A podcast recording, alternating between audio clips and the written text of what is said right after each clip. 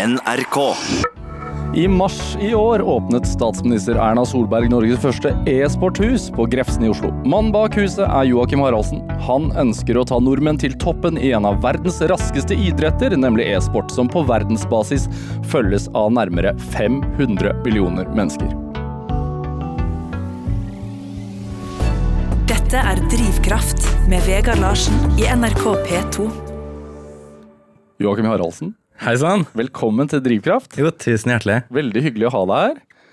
Ja. Du er altså eh, da, du, eh, da det ble varslet eh, internt eh, her på huset at du skulle komme som gjest, så du, du er den første gjesten jeg har her hvor vi har fått e-poster fra kollegaer som sier sånn Du, eh, jeg har med sønnen min på jobb i dag, er det mulig å komme opp etterpå og, Ja, og, få, og få en autograf? Det er dødskult. Så, så veldig hyggelig av deg. Har du det fint, da? Jeg har det veldig godt, altså. Du, i, I den digitale verden som du opererer i, så, så er du bedre kjent som Noobwork. Ja, stemmer. Hva, hva, hvor kommer dette navnet fra? Eh, Det navnet kommer fra ordet noob. Det er der alt begynte. da. Siden noob betyr at man er nybegynner eller dårlig eller noe sånt. Eh, Og jeg spilte et spill rundt 2003-2004 som het Runescape. Eh, Og det spillet var jo basert på engelsk, og det var jo online, så man spilte mot hele verden. Og da var jo jeg 11-12 år gammel. Og engelsk var jo ikke min sterkeste side da. Så jeg skjønte jo ikke helt hvordan dette spillet fungerte, men jeg spilte jo veldig mye. Og etter hvert så hadde jeg jo da klart å komme meg ganske høyt opp på, på rankstigen da, i, i verden. Eh, så på mitt beste så var jeg nummer 18 i verden i det spillet. da. Eh, Ikke noob lenger. da var jeg ikke noob lenger, eh, og når man da spilte mot andre spillere, så vant jeg med gode marginer. da. Eh, Så da worka jeg dem som om proffene var noobs. Skjønner du? Så work, noob, working the noobs, noob work. Et ordspill. Ja, ja. Um, men, men dette har jo blitt navnet ditt. Det henger jo ved deg. Jeg har tatt det med videre. Du har på deg Noobwork uh, merch. Ja, ja, ja. Caps og sånne caps. Men, men um, du, du er en av Norges største youtubere. Du har uh, 190 000 abonnenter. Mm. Uh, hvor mange visninger har du på videoene dine? Uh, Totalt på kanalen så er jeg rett over 130 millioner visninger. Og det er bare fra norske seere, så jeg prater jo på norsk på kanalen også. Og en gang til. Over 130 millioner visninger. Ja. Det er ganske ekstremt. ja. Um, og, og så er du leder da for det norske uh, proff-e-sportlaget og spillorganisasjonen N47. Mm. For, fortell om denne satsingen her. Hva er det for noe? Så jeg har jo ehm, alltid ønsket at Norge skal være god på dataspill. Og så har jeg sett at Sverige er mye bedre enn oss, og Danmark er mye bedre enn oss. Og egentlig resten av verden er mye bedre enn oss når det gjelder til dataspill på proffnivå. Det er jo litt sånn at uh, For å dra en sammenligning, da, så kan jo alle spille dataspill. Uh, og alle kan spille fotball på Løkka. Uh, men for å kunne spille på Champions League da, i fotball, eh, så må du jo komme deg opp på et visst nivå. Og det er det også innenfor dataspill, og da blir du en e-sportutøver. Så jeg ønsker å danne de rammene og bygge den strukturen som kreves da, for å kunne dyrke fram disse talentene i Norge. Siden vi har jo allerede veldig mange dyktige, men de trenger disse rammene, siden de forsvinner ut i utlandet. Men er du manager da, eller hva, hva er din rolle oppi dette her? Jeg er en litt sånn altmuligmann. Jeg har en stor visjon om at jeg har lyst til å bygge verdens beste e-sportklubb, eh, som da skal ha med seg Norge ut internasjonalt. Derav da navnet N47, som står for landskoden vår, pluss 47. Um, og så ønsker jeg å bygge rammer for de som faller utenfor tradisjonell idrett, siden jeg var jo en av de. Men uh, du, du, dere konkurrerer fra Norge, eller reiser dette laget rundt? Ja, så sånn det er, da, så er det jo mange forskjellige spill man kan konkurrere i. Uh, og disse spillene er jo da bygd opp med forskjellige typer turneringsstrukturer, Uh, hvor noen av de er at du spiller mye på nett, og da kan man jo egentlig gjøre det fra hvor som helst. Eh, Så lenge bredbåndslinja er sterk nok? Nettopp. Eh, og så kan man reise rundt i diverse eventer, da. Mye i USA. Så er det masse sånne store eventer hvor man da møtes og spiller eh, face to face da mot hverandre. Eh, mens noen ligaer er basert på at det bare spilles i helger i en svær arena. Så vi har jo et lag som eh, er huset på Grefsen i Oslo. Eh, Der dette spillhuset er. ja. Ja. Så vi har jo to spillhus. Ett på Grefsen og ett i Berlin. La oss holde oss lokalt først. Ja, vi kan ta Grefsen først. Eh, De spiller jo da spiller Fortnite, og de spiller da stort sett online, hvor de da sitter hjemme i Grefsen. og spiller derifra. Store turneringer. Og da bor dette laget i dette huset, Mm. der du også bor. Yes, det stemmer. Så det er et slags Ja, et kollektiv, rett og slett. Eller et høydehus, kanskje. Ja. Men, men, men hvem er det som er på laget på Grefsen? Så uh, i huset på Grefsen da, så bor jeg. Um, og jeg løper jo litt rundt overalt uh, og prøver å sørge for at alle er happy, alle har det de trenger for å kunne bli verdens beste, og det er jo mye forskjellig. Alt fra at uh, kosthold er på plass, fysisk trening er på plass.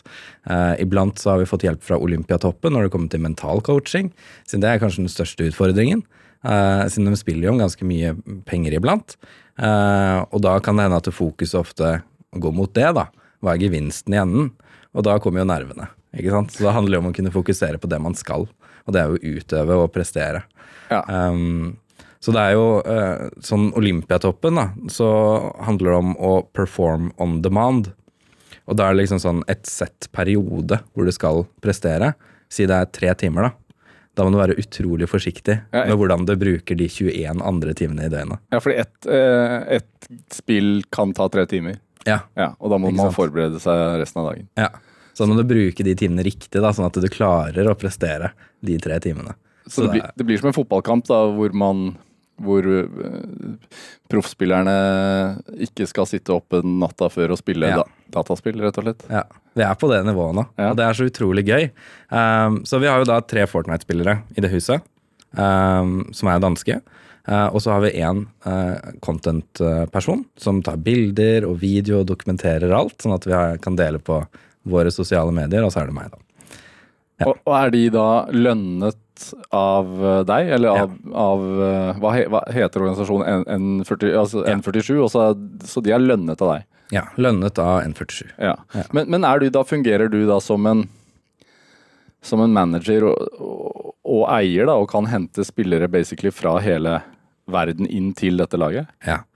Så sånn som Fortnite er strukturert, da.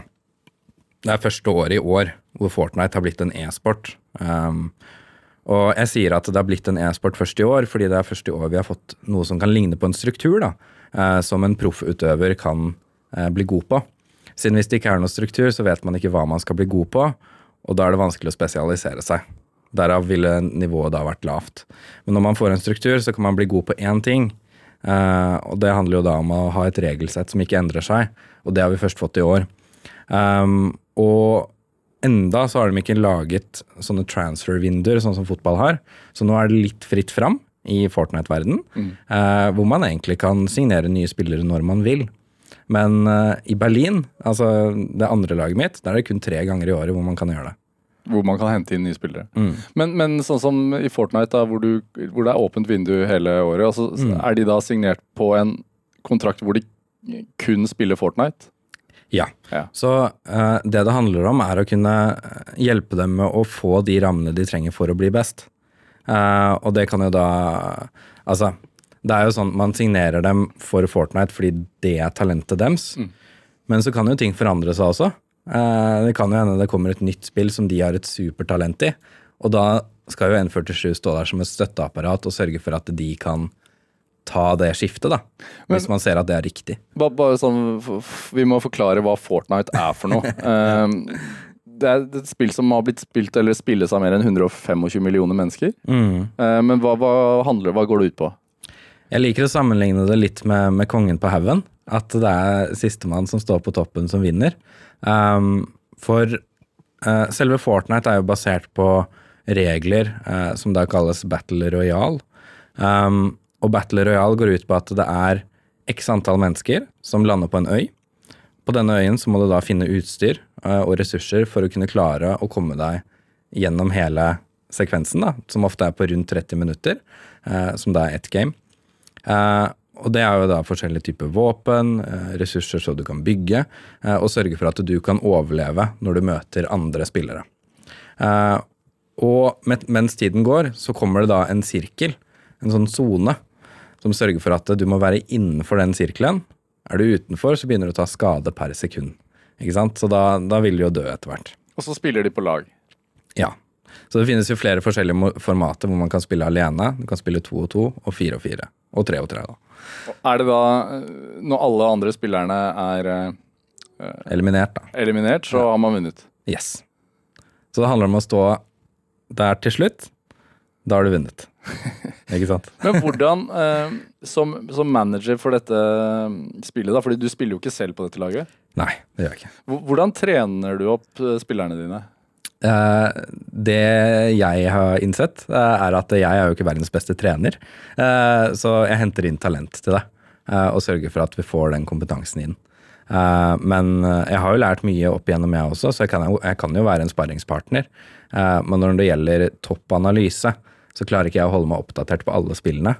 Eh, så min hovedrolle nå er å kunne bygge den strukturen og organisasjonen som kan ivareta alt, og sørge for at vi også da kan hente talent, sånn at vi får det beste. Bygge en best mulig organisasjon rundt laget. Ja. Men, men hvordan blir de trent, da? Jeg, bare- jeg, Ja, så uh, man spiller jo, Ja, så klart. Eh, og man spiller et sted mellom seks til åtte timer hver dag. Nei, Seks til ti kanskje til og med. I hvert fall på off-dager, da, hvor man ikke, ikke har treninger og offisielle turneringer og sånn, så spiller du ofte litt mer, siden da har du en frihet. Ingen eh, tidspunkter å forholde deg til. Eh, men si du spiller seks timer, da. Så, så etter du er ferdig da med et game, så bruker du da eh, litt tid på å Siden du tar jo opp spillet, ikke sant. Så går du tilbake i opptaket og går igjennom alt du har gjort. man ser, det er som en videoanalyse, da. Ja. Så går du gjennom, og så ser du her at ja, på dette tidspunktet så tok jeg denne beslutningen.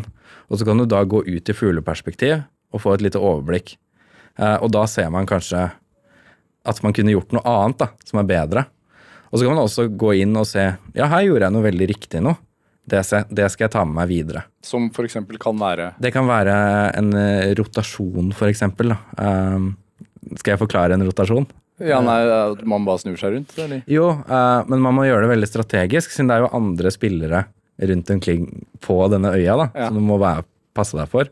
Og så kan jo da denne sirkelen eh, plassere seg et, et sted som ikke er så veldig bra for deg. Og da må du klare å rotere inn der på riktig måte. da. Så det handler egentlig om å øve inn strategier, øve inn bevegelser Mm. Som man tenker kan fungere best mulig når man faktisk spiller mot noen andre. Ja. Jeg liker å dra en sammenligning til Magnus Carlsen. Eh, fordi, Sjakk, altså. Ja, altså, du har jo vanlige langsjakkformatet, Mm. og så har du dette lynsjakkformatet. Mm. Nå har ikke jeg prata med Magnus om dette sjøl, men sånn jeg tolker det, så er det veldig innøvd. At når ting står i denne posisjonen, så skal han gjøre dette. Fordi man rekker ikke tenke gjennom alle mulige eh, strategiske valg man har og kan utøve. Så det går litt sånn på impuls, og det skal sitte i kroppen. Ja. Eh, og det er det man sitter og øver på, siden i dataspill generelt så har det veldig dårlig tid. ja, fordi du skal gjøre dette her uten å egentlig tenke. Ja, Det går på millisekunder. Men øh, dette laget da består jo av tre dansker nå. Ja, Fortnite-laget. Ja. Ehm, hva koster det å få en spiller over på det laget ditt? da? Helt avhengig av talentet til spilleren, eh, hva slags type sosiale mediedekning han har. eh, Hvor mange er- følgere han har på Ja, Instagram? Hvor stor profil han er. Ja. Om det er en Messi, så koster det mer enn en, ja, en norsk eh, fotballspiller i Obos-ligaen. Ja. Men, altså, og det er, det er snakk om liksom store forskjeller. Ja, veldig store forskjeller. Det kan være alt fra 10 000 kroner i lønn i måneden til over 100 000 kroner i lønn i måneden. Ja. Ja. Sånn som han eh, Emil Bergqvist, Mm. 16 år gamle eh, nordmann. Han vant jo nylig eh, 12,8 millioner i e-sport-VM. Ikke sant? Eh, hva hadde han kosta, tror du? Vanskelig å, å gjette seg ut ifra. Altså, han har jo vist eh, god prestasjon i VM, eh, men man er jo avhengig av å fortsette å prestere. Eh, så det handler jo om å, å liksom regne på hva slags muligheter er det man har fremover. Eh, hva er forsvarlig i forhold til sosiale mediedekning, Uh, og alt dette, og så blir det et regnestykke. Ja. Uh, og hva er han villig til å gjøre av arbeid for sponsorater og alt sånt, som kan gjøre at prisen da går opp. Så det er jo en forhandling, men jeg vil jo tippe at en lønn på mellom 50 og 100 et sted ja. er helt innafor. 50 000-100 000. Eh, og det er jo litt sånn, Hvis man tenker på i fotballverden, så ser man jo at sånn sponsorverdien til spillerne varierer der også. Sånn som uh, Membap, som spiller på Paris Saint-Germain. Uh, Mm. Han er jo den spilleren i verden som har størst sponsorinntekter. Ja. En Instagram-post på han uh, genererer mange millioner kroner. Ikke sant? Uh, så, så det er litt samme tankegang. Ja. ja, men det blir det.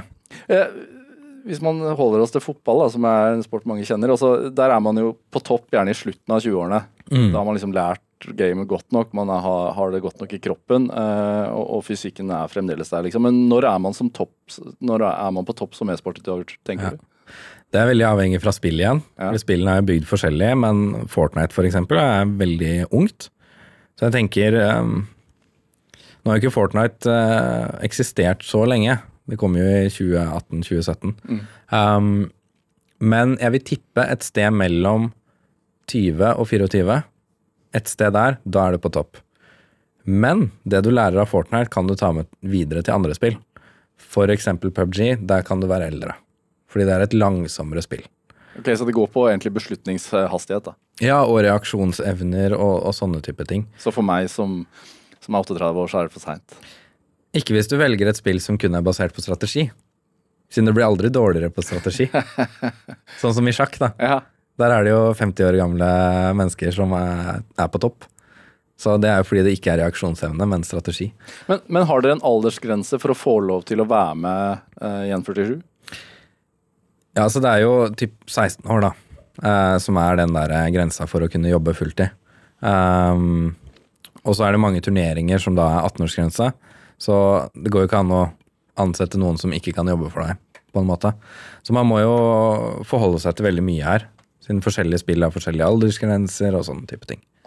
Men eh, er det tilrettelagt for dette her i Norge, egentlig? Nei.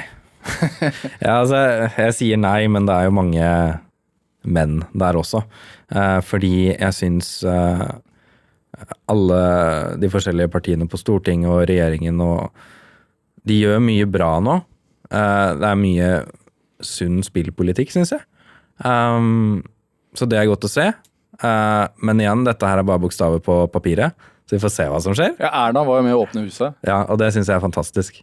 Eh, utrolig bra av henne, fordi da får man jo den bekreftelsen som vi gamere lenge har venta på. Ja, For å bli tatt jo- alvorlig, liksom. Ja, vi har jo alltid liksom opplevd fordommer, da.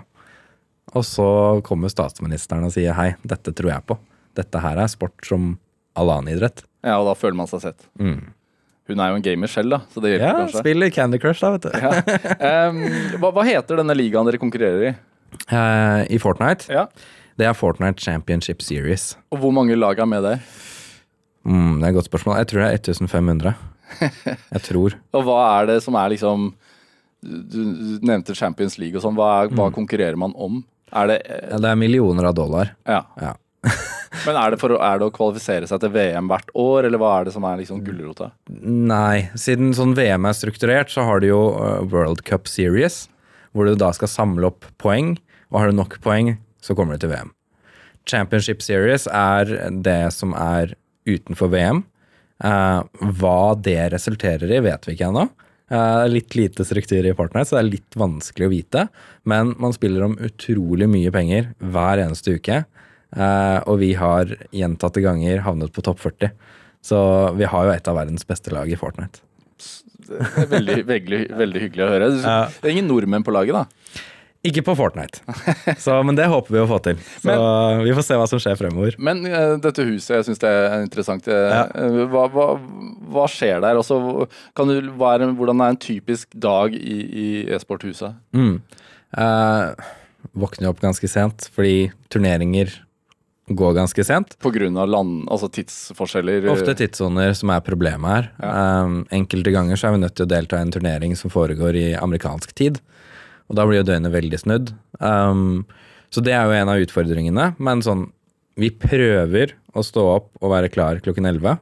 Um, og da er det liksom vanlige morgenrutiner med frokost og dusje og trene og, og sånn. Og så kommer man inn igjen. Uh, og da kan man velge å ha litt sosialtid. Litt avhengig om det er en turneringsdag eller ikke. Um, men pleier å sette seg foran PC-en i fire-fem-tiden. Uh, og da spiller du stort sett til du går og legger deg. Er det jobb fem dager i uka, eller er det jobb hver dag i uka? Det, det er fri mandager. Fri mandager. Ja.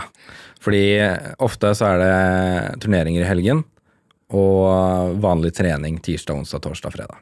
Hvor lenge tenker man at man Altså, hvor lenge har man en spiller på laget? Hvor lang, hvor, disse kontraktene, hvor Ja. langvarige er de? Sånn for organisasjonen sin del, da, så ønsker vi å kunne være med på spillerens reise fra eh, du er et talent, og bygge deg opp til en virk, virkelig stor profil. Du ønsker å finne Martin Ødegaard. Ja, det er jo det vi ønsker, sant? å være støtteapparat hele veien. Eh, det er ikke alle som ønsker det, men eh, det er jo naturlig, siden da er det jo lange kontrakter og sånn, men så klart så lar man jo eh, det være åpent om det skulle være et eller annet som tilbyr seg, da. En kul mulighet, så vil vi aldri stå i veien for det. Eh, men man ønsker jo liksom være med på hele reisen, bygge dem opp, um, og det er en lang periode. Det er ikke gjort på et år. Men vi signerer ingen under et år. Det gjør vi ikke. Nå, altså, jeg spiller litt selv noen ganger mm. for å slappe av, og fordi at det er underholdende. Ja. Disse spillerne dine, de gjør ikke det. De, de er ganske mentalt slitne etter å ha spilt. Men jeg som, eh, som deg spiller jo med vennene mine på kvelden og, og slapper av. Så det er ganske stort. Dette er Drivkraft med Vegard Larsen i NRK P2. Og i dag har vi YouTuber og e-sportmanager Joakim Haraldsen her hos meg. Eh, den jingeren brøt oss litt av her. Du spiller selv, sa du? Ja, ja, ja. Um, nei, jeg For å spiller- slappe av. Ja, jeg spiller selv på kvelden for å slappe av. Så det er deilig, det. um, dere ligger blant 40 beste i verden. Ja, hva, hva skal til for å holde seg der, da? Altså, du, du nevnte fysisk trening, at dette laget også at det er ekstremt viktig. Mm. Det, er det noe som har blitt viktig, altså, som man har forstått er viktig liksom, den senere tiden? Det er jo informasjon vi har hentet fra altså disse interesseorganisasjonene, som bl.a. Olympiatoppen, hvor de sier at eh, skal du være sharp i hodet, så må resten av kroppen henge med. Så det er jo masse forskning rundt dette, og det sier jo seg selv at du må være frisk i kroppen for å være sharp i hodet og kunne konsentrere deg over lang tid. Um, siden du det er, det er krevende, altså. Man blir sliten etter å ha spilt en turnering i ganske mange timer. Siden du må jo være fokusert lenge. Men sånn, hvordan er karriereutsiktene etter at man fyller eh, Altså, hvis, hvis du har en spiller på laget ditt ett et Mm. år, da, eller to år, kan du, selger du da spilleren videre, eller Man kan gjøre det. Ja. Uh, For eksempel, uh, la oss prate som om det er fotballverden. Da. Så hvis Real Madrid kommer til meg og sier du, han spilleren du har her, han er veldig interessant. Han har vi lyst til å ha med på laget. Da blir det en forhandling mellom oss og Real Madrid, fordi vi har jo investert masse i å bygge denne profilen opp. Og så har vi mest sannsynlig ikke kunnet klart å tjene på det ennå. Eh, Så da er det jo en overgangsfi som blir kjørt der, og så kan da spilleren gå videre til det laget. Ja. Det er så enkelt det egentlig er, Men- men, men- komplisert.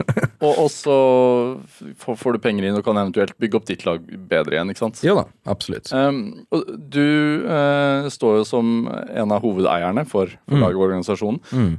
Så du selv kan jo i teorien også tjene greit med penger over tid på dette her. Jo da, det går an det. Jo, men, jo, men Ja, ja. det er jo, sånn, sånn er det i sportverdenen. ja, ja eh, sånn, funker, sånn funker verden. Ja. Man kan tjene penger. Uh, men jeg ønsker jo å bygge noe større her. Jeg ønsker å liksom bygge disse rammene for de som faller utenfor tradisjonell idrett. Og da er det mye viktigere at jeg bygger opp de rammene enn å bygge opp meg alene. Ja. Eh, jeg bare lurte på, altså, fordi Tenker du at vi egentlig har bare så vidt har sett starten Mm. på dette her? Ja, uten tvil. At e-sport som økonomi og, Mm. og sport fremdeles bare er i startfasen. Altså, så hvis man Du er jo, eh, så vidt jeg vet, liksom den første i Norge som satser såpass stort. Mm. Mm. Eh, så hvis man liksom satser nå, så kan man i teorien bygge seg ganske sånn mektig etter hvert. da. Ja, altså jeg skal ikke legge skjul på det. Uh, det er fullt mulig, det. Uh, og jeg har jo gått dypt inn i tallene nå, siden jeg ønsker liksom å finne investorer som har lyst til å være med på denne reisen. Og bygge disse rammene, og, og, og tenke at eh, ja, her kan man faktisk sitte og bygge en av verdens største klubber. En av verdens kuleste sporter. Ja, det går faktisk an. Det går an. Du kan bygge, du kan være egentlig i startfasen til å bygge Real Madrid nå, liksom. Ja, men jeg skal det. Men Så bare vent og se. Men Så det som er interessant, da, er at e-sport er jo verdens raskest voksende idrett. Med fotball på nummer to. Eh, og nå er det altså økonomien i det, da. En gjennomsnittlig e-sport-tilhenger bruker en tiendedel av pengene som en gjennomsnittlig fotballtilhenger. Så det betyr at eh, potensialet i inntekter fra tilhengere, der ligger tigangeren. Men så er det flere muligheter på e-sport, og det er mindre kostnader for klubben, som annet digitale eh, ting, da. Som kan gjøre at eh, Du har ikke noe stadion med bane og sånn som du må holde i drift, f.eks.? Nei, men jeg tenker at man burde bygge det. Det tenker jeg. Siden jeg har jo veldig lyst til å bygge et svært headquarters i Oslo, Akershus, et eller annet sted i nærheten, hvor man kan ha liksom første etasje, som er type skolehjelp og gaming, eh, og så har du proffene i etasjen over. Ikke sant? Og så kan da eh, coachene til proffene gå ned og hjelpe eh, de som får skolehjelp og, og gaming og sånn, med å liksom hjelpe dem litt til å bli bedre gamere og, og skape et miljø, da. Litt sånn som den klubben etter skolen, Ja. bare at det er fokusert på, på, på gaming. Tror du Altså, føler du at sponsorer og sånn eh, skjønner hva det handler om, og ser verdien av det? Ja, men de er litt redde. De, altså, de skjønner det helt uten tvil, uh, men de vet ikke hvordan og når og alt. Hvordan er det man skal gå inn i dette? Hvordan skal ja, en sponsor tjene penger på dette? Det er ofte sånn de sitter og tenker, da. Så de som hiver seg på nå, er de som ser at dette her blir stort, og skjønner at dette her er et langsiktig greie. Eh, de hiver seg på nå. Eh, for det kommer ikke til å fungere hvis man bare tenker ett år av gangen. Du eh, har nevnt noen ganger nå at du ønsker å gjøre dette her eh, ikke bare for å lage verdens beste e-sportlag, men, men også fordi at du ønsker å få folk inn i idretten som kanskje føler seg litt utenfor. Eh, hvordan har du følt det selv? Ja. Nei, bakgrunnen bak det er jo min oppvekst, da. Um, og jeg har jo aldri hatt det noe kult på skolen. Eh, aldri trivdes, aldri vært den kule i klassen, alltid blitt valgt sist når de, man skal velge hvem du skal ha på laget i fotball og alt sånt. Um, og så var jeg jo den nerden, da. Som var interessert i liksom tekniske ting og spill og alle sånne type ting. Og det var ikke så veldig mange andre i klassen som var interessert i det. Når begynte du å spille selv, da? Det er et godt spørsmål. Det var Super Nintendo, og så kom eh, Nintendo 64. Men første dataspillet var Age of Empires 2. Det var vel 1998 eller 1999. Så jeg var en seks-syv år gammel. da. Så første andre klasse. Da spilte jeg mot pappa. Kobla vi PC-en opp på LAN sammen. Siden han eh, er IT-konsulent, eller jeg vet ikke hva tittelen hans er. Men han jobber med data. da. Faren din har også vært interessert i dataspill, eller ei? Ja, ja, ja. Ja. Eh, Men nå har han tre barn, da, så han var ikke gama så mye lenger. Men, men uh, som en ung mann da, som ikke følte seg egentlig Mm. sett og inkludert på, på skolen mm. og i, i miljøet, hvor viktig var dataspill for deg, eh, for ditt sosiale jeg? liksom? Mm, nei, altså det var, det var jo redningen oppi alt det der. Um, jeg har jo vært uheldig og ødelagt ryggen min også. Så jeg var sengeliggende fra jeg var 16 til 20. Hva skjedde? Eh, det begynte med en idiopatisk skoliose. Uh, og det er jo at ryggen da bøyer seg ut i en type S. Um, Vokser skjevt, liksom? Eller? Ja. Ja. Um, og når jeg da var hos legen, så sa legen at den ryggen her, den ser virkelig ikke bra ut. Du må på sjukehuset og få sjekket opp det her.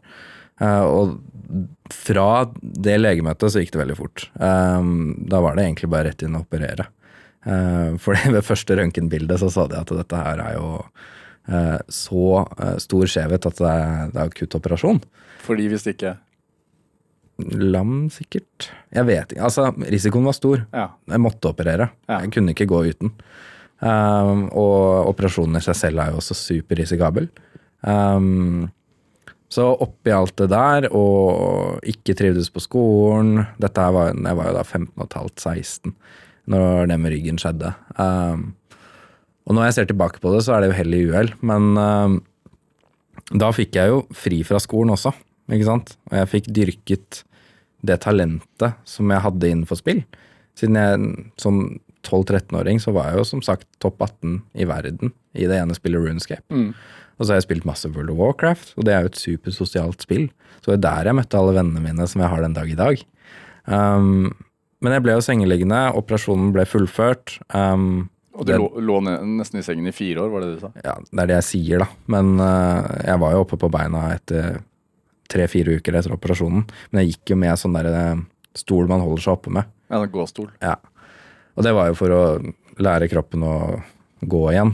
Eh, men jeg hadde jo vondt og kunne jo ikke gå på skole eller jobbe. Og i den tiden, altså i tenåringstiden, så det, Nesten det viktigste for å få sosial aksept er jo å være god i idrett. Yes. Og det var det jo ikke akkurat da. Absolutt ikke. Jeg fungerte jo ikke.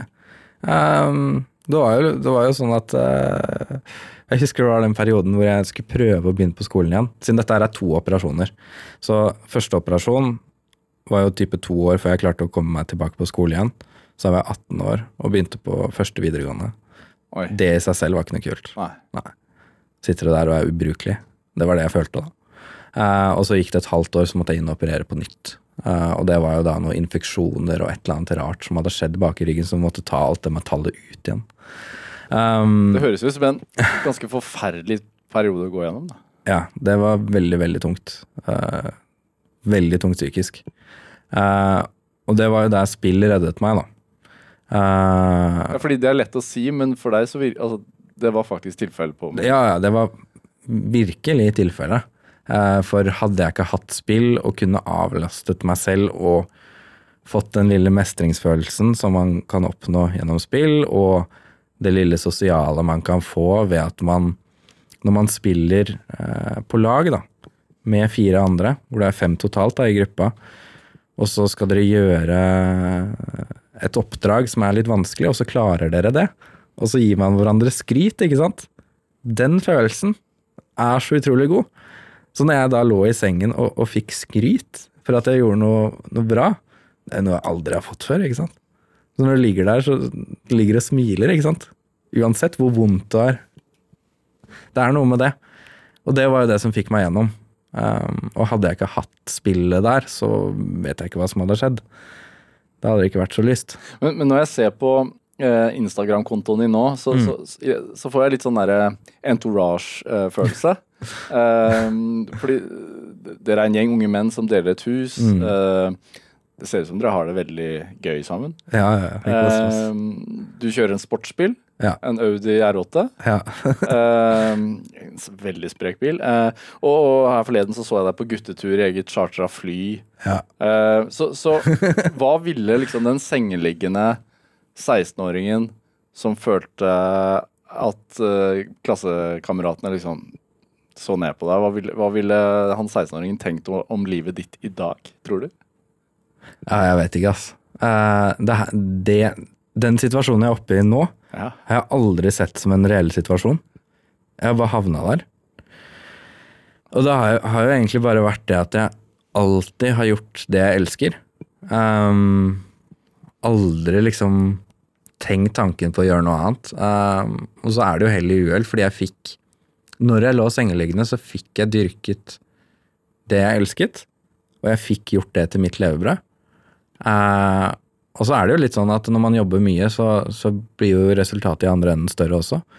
Fordi jeg gjør jo ingenting annet enn å stå opp og, og jobbe med det jeg elsker, til jeg går og legger meg.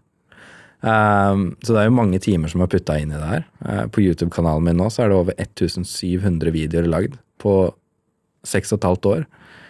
Det er ganske mange timer med innhold uh, som er filmet, som er redigert, som er da lastet opp Hva og konsumert. du-. Hva tenker du om eventuelt de som sier sånn Hæ, dataspill og YouTube, det er jo ikke noe jobb. Nei, men jeg skjønner dem. Det er jo et helt nytt uh, fenomen. Eller hvor nytt er det egentlig? Uh, første turnering var vel i tidlig 2000-tall. Men det er noe som virkelig kommer nå. Eh, og jeg forstår at folk ikke kan følge med på alt. Det er mye jeg ikke veit om også, ikke sant? så det handler jo bare om å være åpen og, og tenke at ja, alle interesser kan bli en fulltidsjobb. Da. Men, men tenker du at det er litt sånn uh, nerdenes hevn? At du er der du er nå?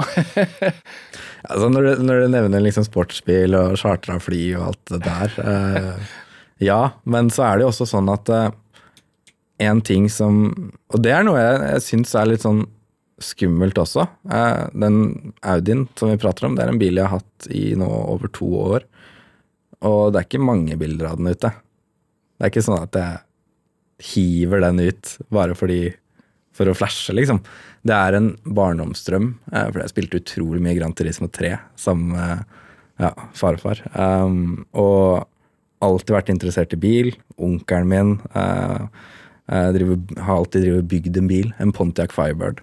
Så jeg har liksom alltid fått det inn da, og vært med på masse bileventer. Um, dama mi kjører rallycross. Det er sånn Det er veldig mye bil rundt meg, um, så jeg har alltid hatt en bilinteresse. Og så er det jo sånn at ja, um, jeg har jo tjent noen penger oppi her, og så har jeg ikke hatt de største utgiftene.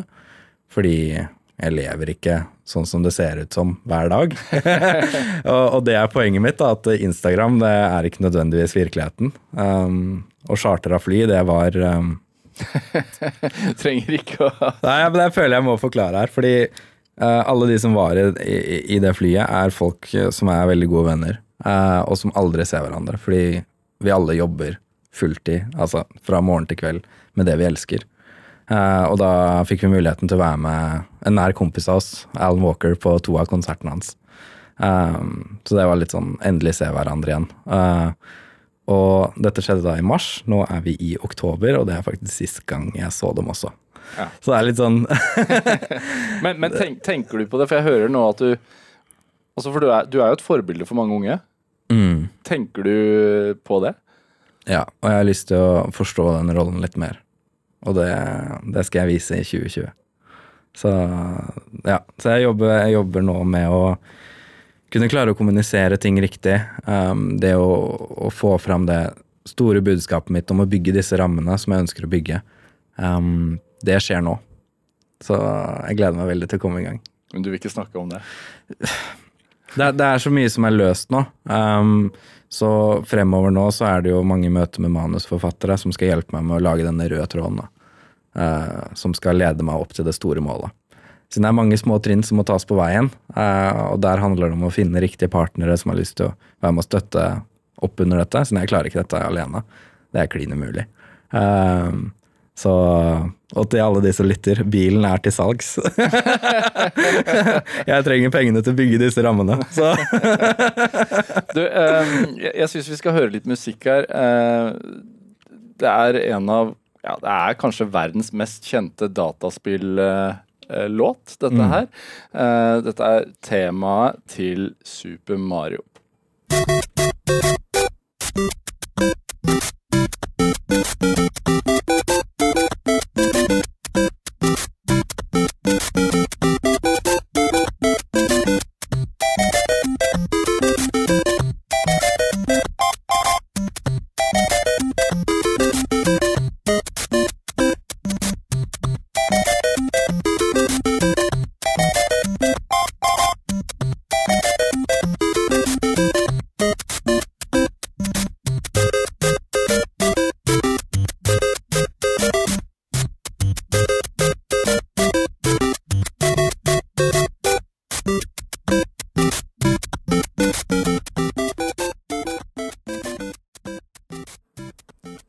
Temamusikken fra Nintendo-spillet Super Mario der også. Du hører på Drivkraft på NRK P2. Jeg heter Vega Larsen, og i dag så har vi YouTuber, gamer, e-sportmanager Joakim Noobwork Haraldsen her hos meg. Yes. har du spilt Super Mario selv? Ja, klart det.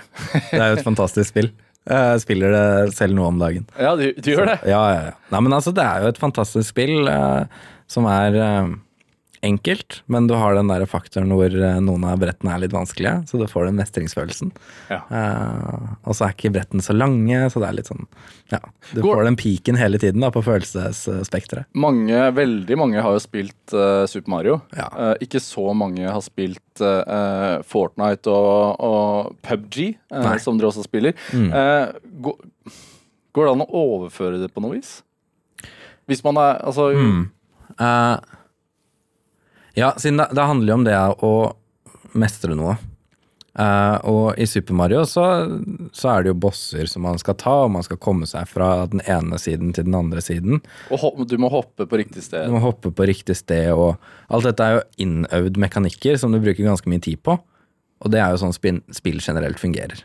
Innøvde ting som du mestrer og blir utrolig dyktig på, og da kan du bli en av de beste. Så ja, men nei, fordi det er så mange flere aspekter i Fortnite og PubG, da. Med samarbeid, fordi du spiller med flere andre. Ja. Tenker du at man Altså, man snakker jo om fotballtalent, eksempel, eller sjakk, sjakktalent. Mm. Eh, har man et spilltalent? Ja. Absolutt. Og det er så gøy å se, fordi enkelte mennesker kan bare sette seg ned ved et spill, prøve det i 10-15 minutter, og så er de over snittet gode. Og det er, det er veldig fascinerende å se. Eh, det er bare et eller annet med at de har den motorikken i kroppen, eh, og de klarer å forstå ting. De, ofte så leser de beskrivelsene på ting og går litt dypere inn eh, i spillet for å finne ut hva er det som gjør at spillet reagerer sånn. Og da klarer de bare på et sånt magisk sett å bare forstå at å ja, det er sånn jeg burde gjøre det. Og så blir bare spillet plutselig enkelt for dem. Ja, for det er logisk tenkning. Altså det er koding. Ja. Trykker du til høyre, så skjer det noe. Trykker du til venstre, så skjer Yes. det noe. Det er jo egentlig veldig enkelt, men det er så mye informasjon som skal tolkes på en gang. Men, eh, vi snakker om e-sport, og i, i Norge så er e-sport for veldig mange fremdeles en ukjent ting. Mm. Eh, Folk sitter jo hjemme nå og ser på, på friidretts-VM Ja. i stor, stor grad. Um, TV-er i, i, i de norske hjem overalt. Eh, tror du at vi kommer til å se e-sport på samme vis noen gang? Ja. Det jeg syns er fascinerende nå, uh, det er så mange som prater om at TV er på vei ned Uh, Og ja, det kan stemme litt, men uh, så syns jeg det er så fascinerende, fordi nå eier jeg min egen stue. Uh, og når jeg eier min egen stue, så bestemmer jeg hva som skal være på TV-skjermen. Og det er så fantastisk gøy å kunne invitere venner over og se på e-sport på TV-en. Ut av gutterommet, ut fra den lille dataskjermen og blåse det opp på den store TV-skjermen. Ja, For det, det har ikke vært tilfellet tidligere. Nei, men nå kommer jo den generasjonen. Mor og faren din ville ikke at du skulle hjemme. Nei, altså de sier jeg skal du se på dataspill og drive med dataspill, og det er oppe på rommet, ikke sant. Ja. Men nå begynner folk å eie egen stue, eie egen TV, og da begynner de å se på det på TV-en. Så jeg syns det er interessant, da. Eh, At eh, det kan hende TV kommer til å få en liten sånn der peak opp igjen. Fordi man får e-sport på TV etter hvert. Som er live-eventer. Ja. Altså du, hvor, hvor, hvor ser man det, da? Hvor ser du, på, hvor ser du det fra på TV? Altså fordi eh, NRK sender jo ikke e-sport.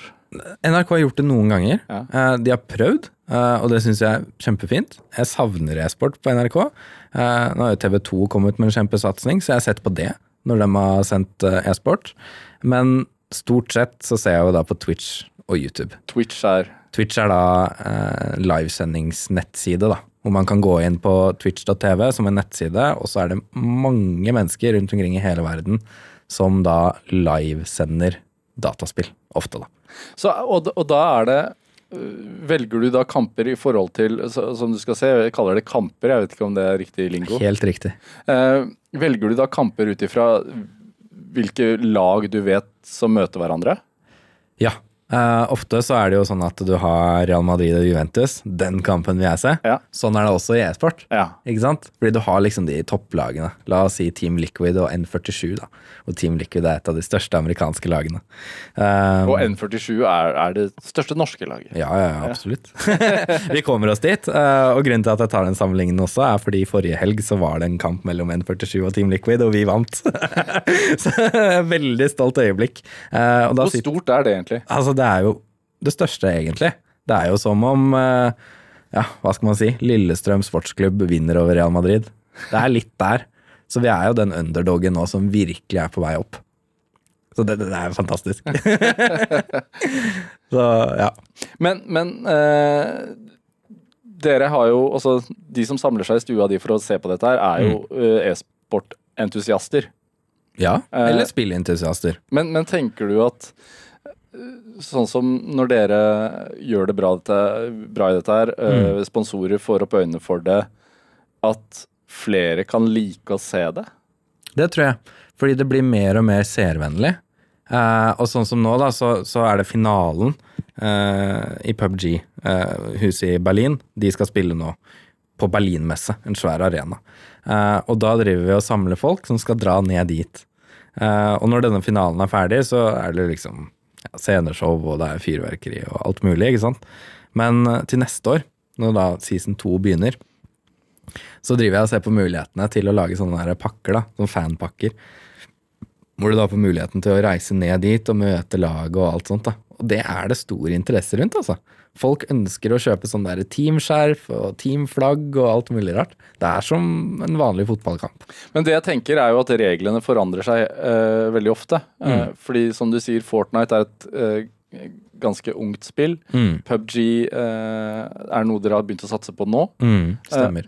Og, og dere er jo da prisgitt at spillene bevares. Altså En fotballkamp er en fotballkamp uansett, tenker jeg. Ja, det stemmer. Det som er interessant da, for en organisasjon, er at eh, hvis det kommer et nytt spill som virkelig tar av, eh, så kan vi bare hoppe på det. Og finne nye talenter innenfor det å lage strukturen, siden det er egentlig bare en skaleringsprosess. Hvor du har disse rammene som fungerer i Fortnite eller PubG. Det kan du overføre i andre spill også. Fordi det er jo egentlig det samme. Om du driver med toppidrett, så vet du hva som kreves. Om du er en fotballutøver eller fotballspiller eller alpint eller langrenn eller hva det nå enn er, så forstår de hverandre. Ja, Jeg tenkte mest på for seernes skyld. Ja. Ja, for seerne så, så vil det jo være sånn at eh, hvis et spill slutter å være en e-sport, så forsvinner jo det, men da finner du et annet spill. Ja. Ikke sant? Hvor mange seere er det? Totalt Ja, hvis du veit det? Ja, altså det er noen tall på det, eh, og hvilke tall som er riktige eller ei, det er litt vanskelig å vite, men det de sier er at i 2017 så var det 145 millioner seere av e-sportkamper. 2018 så var det sånn 220. Eh, 2019 har vi ikke tall på ennå, men eh, det ser jo ut som at det er på vei opp til 300 millioner seere. Det er ganske vanvittige tall, og det er jo i voldsom vekst da, hvis man ser på forskjellen på 2017 til og med i dag. Ja. Eh, selve spillene man spiller, det, det får, får jo enkelte til å, til å heve på øyenbrynene. Altså, det er stadig sånne debatter sånn dette er voldsforherligende, og Mm. eneste man gjør er å, er å skyte på hverandre. Eh, hva, hva tenker du om det? Ja, da tenker jeg at de kanskje ikke har spilt selv, Nei. egentlig. At de kanskje ikke har den forståelsen, fordi jeg, jeg skjønner jo at de føler det. Siden hvis du er utenforstående og, og ser på dette, så er det jo Mange spill er jo basert på nettopp det du sier nå. Men hvis du tar og, og dykker litt ned i det, så finner du jo ut at Nei, det er ikke sånn. Det handler om strategien og kommunikasjonen og hvordan man eh, mestrer målet.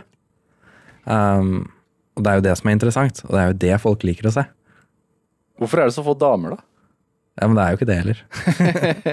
Damene er virkelig på vei inn i e-sport, og det er jo noe jeg syns er veldig interessant eh, på YouTube-kanalen min. da. Eh, Når jeg begynte med den, så var det sånn 95% menn og 5% kvinner som så på. Men nå er det 70% menn og 30% kvinner. Så det er en utjevning der. Og vi har sett at det er flere e-sportorganisasjoner som rekrutterer kvinner, og lager støttestrukturer for de. Vi er en av de som ønsker det. Um, men det er jo mindre kvinner som spiller på toppnivå i dag. Men jeg tror det kommer til å være en utjevning der, fordi kvinner tenker på en annen måte enn menn. Um, og det tenker jeg er en sterk ressurs inn på toppnivå. Inn i lagene? Ja. Siden det handler om å, å finne de Man kan kalle det tankevinkler, da. Strategiske vinkler på hvordan man kan finne den beste løsningen. Den kommunikasjonen og, og den diskusjonen som vil da finne sted hvis du har kvinner og gutter på samme lag, den tror jeg er veldig interessant, altså. Hva skjer da, da? Ofte så kommer det en bedre løsning.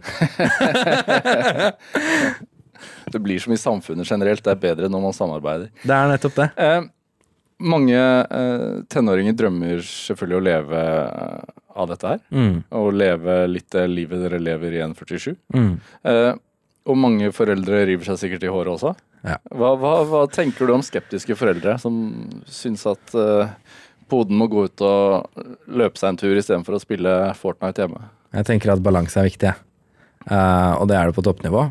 Um, for hvis du ikke har den balansen med at du gjør leksene dine, du går på skolen, du er sosialt, fysisk sosial, uh, og du har trening og du spiser sunt og sover nok, og så kan du spille.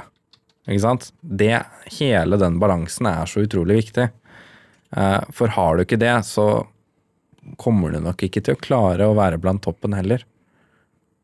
Og så er det jo sånn som det var, det var en, en, en eh, lang artikkel på NRK for, for litt siden om, om eh, Mats Steen som, som døde, og som jo eh, levde sitt liv gjennom World of Warcraft. Ja. Eh, hvor viktig er det aspektet, tenker du? Altså, det som er så interessant, det er en kjempebra artikkel, eh, og folk begynte å forstå ting. Men det er jo ting jeg har sett hundre ganger før. Det er et tilfelle eh, som skjer ofte. At man ikke forstår at menneskene som sitter og spiller, faktisk har det fint.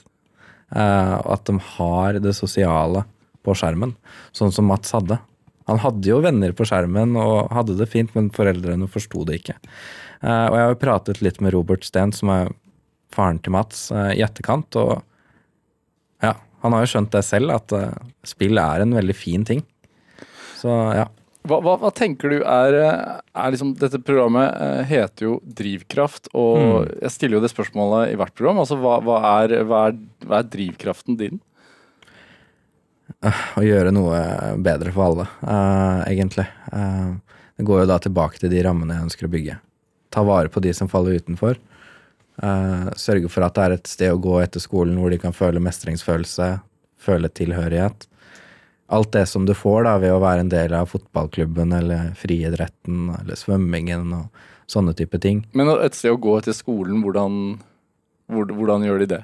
Altså, Nei, altså, folk går jo på fotballtrening. ja. Svømmetrening, sånne type ting. Hvis du ikke er en del av det, hva gjør du da? Nei, du- ofte så sitter de hjemme og spiller. ja. Men eh, jeg vil gjerne ha dem ut, jeg. Jeg vil ha dem ut til steder hvor de kan få opplæring i hvordan de kan bli en bedre gamer. Eh, hvis de trenger skolehjelp, så har vi det. Eh, og vi ønsker også å da kunne hjelpe dem eh, med å forstå at balansen og helheten er veldig viktig for å bli en bedre utøver. Da altså kosthold og søvn og fysisk trening. Så det ønsker jeg å få til. Uh, og det er min drivkraft, å gjøre noe bedre for de som vokser opp nå. Hvilke rammer må, må ligge der da for at dette målet skal oppnås, tenker du? Ja, det er mye. Det er en lang vei å gå. Um, og det er mange jeg må prate med for å få med på laget, for å liksom finne ut den perfekte oppskriften. Men uh, det er litt sånn at det former seg mens jeg går. Men det er den store tanken min. Og så får jeg finne ut hvordan veien blir.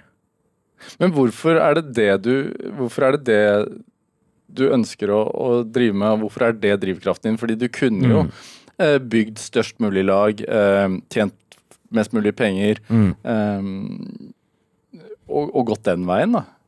Jo, og jeg ønsker jo å bygge verdens beste lag. Det skal jeg gjøre. Ja. Men effekten av det er jo at du får en merkevare som folk får en tilknytning til. Og da kan du begynne å, å, å legge litt press på bl.a. regjering og storting. Og få med, altså bli så stor at de kan ikke stoppe deg. At du bare kan pushe det gjennom. At vi lager dette, og, og sånn skal det være.